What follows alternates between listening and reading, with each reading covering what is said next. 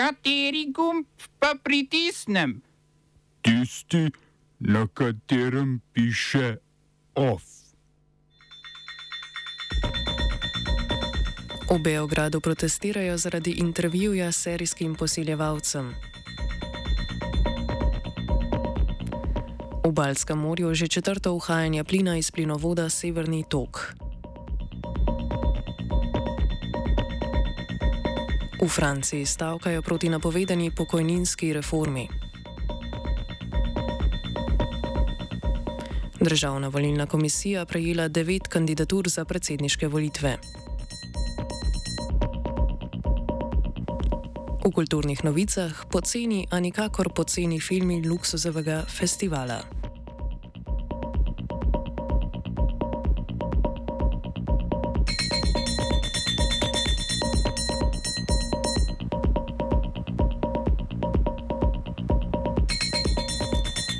Budimpešti so protestirali proti omejevanju pravice do splava, ki ga je z dekretom uvedla konzervativna vlada Viktorja Urbana pred dvema tednoma. Po novem so zdravniki pred posegom ženskam obvezani predstaviti jasno prepoznaven indikator življenjskih znakov fetusa. S tem pa ženske odvračajo od opravljanja umetne prekinitve nosečnosti. Kakor trdijo protestnice, gre pri tem za poniževanje žensk in izvajanje nadzora nad, nad njihovimi življenji. Organizacije za pravice žensk na mažarskem Mačarskem so na protestu vlado pozvale še naj ženskam, ki prečekujejo otroka, zagotovi varne pogoje za življenje in dostop do kontracepcije za vse.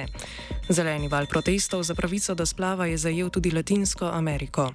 V znamenju Svetovnega dne varnega splava so se protesti odvijali v prestolnicah Mehike, Venezuele, Čila, Peruja, Bolivije, Kolumbije in Salvadorja.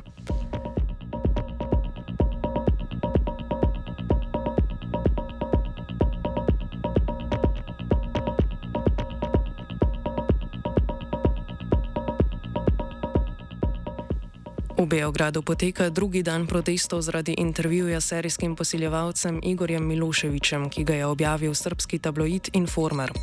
Tabloid je del medijske hobotnice, ki je pod vplivom vladajoče srpske napredne stranke in predsednika Aleksandra Vučiča. Miloševič je bil za številna posilstva že večkrat obsojen, pred tednom dni so ga iz zapora izpustili, saj je odslužil 15-letno zaporno kazen. V intervjuju razlaga, da se posilstvom ne more upreti, opisuje dejanja posilstva in svetuje, kako naj se žrtve ob tem obnašajo.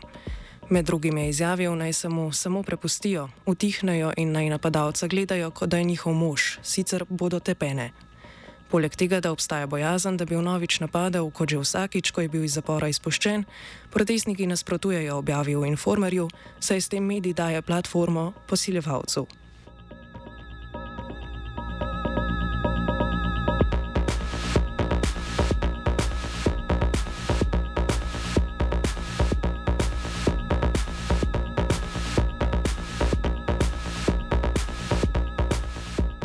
V Franciji pod koordinacijo Generalne konfederacije delovstva poteka stavka javnega sektorja zaradi naraščajočih cen in proti napovedani pokojninski reformi, kar je prvo večje nasprotovanje, s katerim se sooča predsednik Emmanuel Macron od aprilske ponovne izvolitve.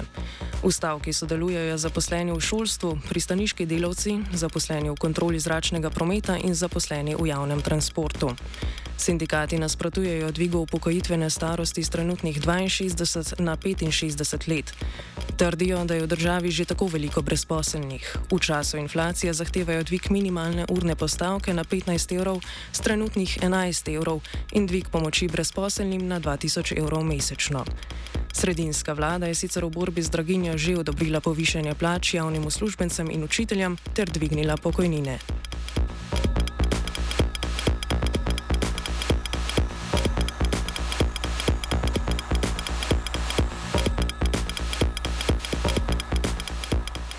Švedska obaljna straža je sporočila že četrto uhajanje plina iz plinovoda Severni tok v Balskem morju, potem ko so v ponedeljek seizmografske postaje zaznale prve nepojasnene eksplozije na podmorskih plinskih cevih, cevih Severnega toka.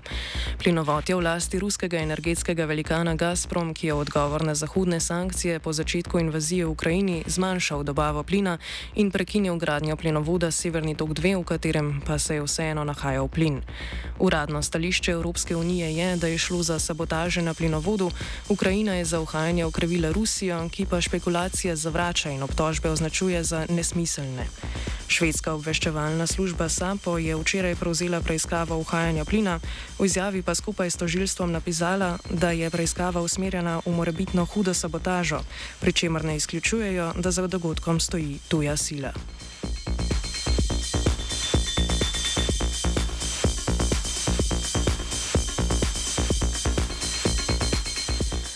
Perujski staroseljci so v znak protesta blokirali promet na reki Maranjon, ki je glavni pritok Amazonke.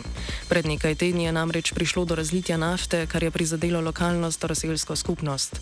Razlitja nafte so v Peruju pogosta. Po uradnih podatkih gre namreč za že 11. razlitje nafte letos, vendar prvo, pri katerem je nafta stekla neposredno v reko.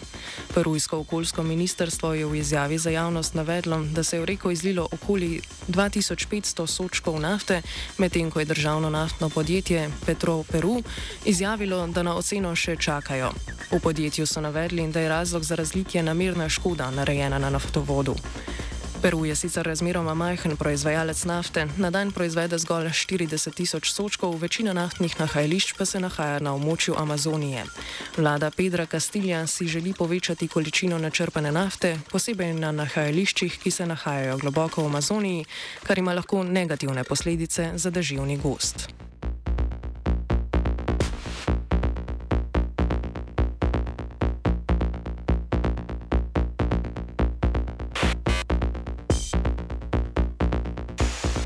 Iranska revolucionarna garda je z droni in raketami napadla kurdske regije v severnem Iraku. V napadu je bilo ubitih vsaj 13 ljudi, okoli 60 jih je bilo ranjenih. Predsednik v Iranu prepovedane demokratične stranke iranskega Kurdistana Soran Nuri je dejal, da so rakete zadele vojaške baze njegove stranke, pisarne in domove civilistov. Iranske oblasti so kurdske separatiste obtožile vpletenosti v proteste, ki že skoraj dva tedna divjajo v Iranu po smrti kurdinje Mese Amin. Amini v policijskem priporu. Poleg tega kurdske upornike obtožujejo odcepitvenih teženj in tihotapljanja orožja v Iran. Iranska revolucionarna garda je v svoji izjavi na državni televiziji napovedala, da bo z operacijo nadaljevala, dokler ne neutralizira grožnje, ki jo predstavljajo kurdski separatisti. Iraško zunanje ministrstvo napad dojema kot napad na suverenost iraške države, to stališče je zauzel tudi Washington. Ameriška vojska v izjavi za javnost navedla, da je sestrelila iranski samomorilni dron, ki naj bi bil na poti do Erbila, prestolnice iraškega Kurdistana. Smo se osamosvojili, nismo se pa osvobodili. Naslednje število je še 500 projektov izpiljene modele, kako so se strani nekdanje LDS rotirali. Ko to dvoje zmešamo v pravilno zmes, dobimo zgodbo o uspehu. Takemu političnemu razvoju se reče udar. Jaz to vem, da je nezakonito, ampak kaj nam pa ostane? Brutalni obračun s politično korupcijo. To je Slovenija, tukaj je naša zemlja, to je Slovenija, Slovenija, Slovenija. Državna volilna komisija je sporočila, da je bilo do izteka roka za vložitev kandidatur na volitvah za predsednika republike vloženih devet kandidatur. Štiri kandidature, ki so bile vložene prejšnji teden, je DVK že odobrila in sicer kandidature poslanca Nove Slovenije Janeza Ciglarja Kralja, župana Kočevja Vladimirja Prebiliča, poslanca SDS Anžeta Logarja in pravnice Nataše Pirc Musar. V ponedeljek sta kandidaturo vložila poslanec Levice Miha Kurdiš in evropski poslanec ter kandidat kandidat socialdemokratov in gibanja Svoboda Milan Brgles. V sredo na dan izteka roka sta kandidaturi uložila še ginekologinja Sabina Senčar, ki bo kandidirala na listi stranke Resnica, in Eden Fohatom na predlog Društva za srečno življenje Belis. Fohatom je zbral samo šest podpisov, kar je 4994 glasov premalo. V predsedniško bitko se bo tako najverjetneje podalo osem kandidatov. Ovsta pod mentorstvom Žana pripravila vajenka Zala in vajenec Peter.